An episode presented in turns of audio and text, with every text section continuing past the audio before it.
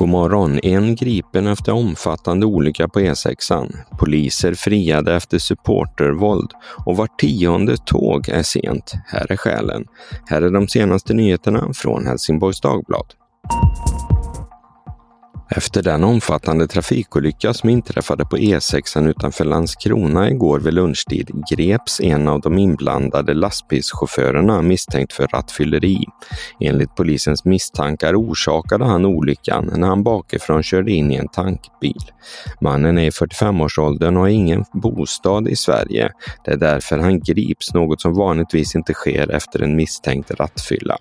Totalt blev fem lastbilar inblandade i krocken som sinkade ledde trafiken fram till ungefär klockan halv tre. Ingen person behövde föras till sjukhus. I år har vart tionde tåg i västra Skåne varit försenat och Lund, Helsingborg och Malmö är sämst i klassen när det gäller punktlighet på station. För den som pendlar varje dag så innebär det alltså i snitt ett försenat tåg i veckan under 2023 har vi haft den sämsta punktligheten på tio år. Det skaver i hjärtat, säger Trafikverkets produktionsanalytiker Leif Nilsson. Samtidigt har vi, det har aldrig varit så många tåg som har varit i tid heller eftersom antalet tåg har ökat under året. Det vanligaste skälet till att tåg försenas är driftledning, infrastruktur och problem hos tågbolagen. Driftsledning kan handla om att hålla tillbaka ett tåg för att låta ett försenat tåg passera och inte ställa till med större bekymmer. Infrastruktur är frusna växlar och vattenskadade spår och tågbolagen kan ha problem med dörrar och fotsteg eller ha sina lokförare på fel plats. På hd.se så kan du läsa om vilka problem som har försenat våra tåg de senaste tio åren. När HIF och Boys spelade fotbollsderby i Helsingborg i augusti förra året anmäldes polisen för övervåld. Nu läggs utredningen ner av åklagaren. Det trots att det finns mobilfilmer som visar hur en polis slår mot minst en liggande person. Åklagaren säger sig dock inte kunna visa vem som har blivit slagen och ingen har heller anmält att han blivit slagen.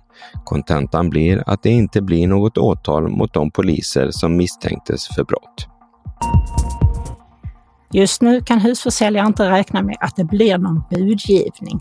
Bara en tredjedel av husen såldes efter budgivning under sista kvartalet i fjol.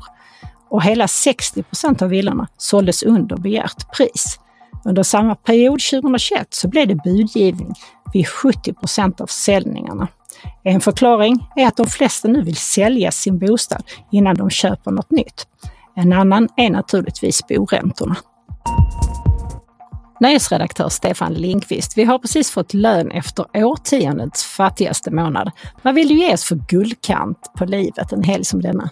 Ja, men det passar den här helgen alldeles utmärkt för det händer otroligt mycket och vill ni se hela listan så föreslår jag att ni går in på hd.se och läser Superguiden. Där står alla tider också.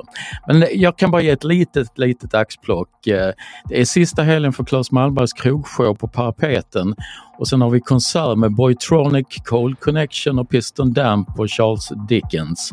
Eh, dansaren eh, Fredrik Benke Rydman framför sin föreställning Master of Dance på Konserthuset på lördag. Och samma dag är det även författarsamtal på Helsingborgs stadsbibliotek med Augustpristagaren André Walden som berättar om sin bok Jävla karar. Toppen, tack så mycket! Vädret. Idag startar dagen rejält regnigt. Vi får räkna med regn fram till i eftermiddag. Temperaturen blir 4 till 5 grader under morgonen och 6-7 grader under eftermiddag och kväll. Vinden blir måttligt frisk och kommer från väster. Det var allt från Helsingborgs Dagblad den här morgonen. I studion Peter Färm, Stefan Lindqvist och Yvonne Johansson. Läs mer på hd.se. Vi hörs!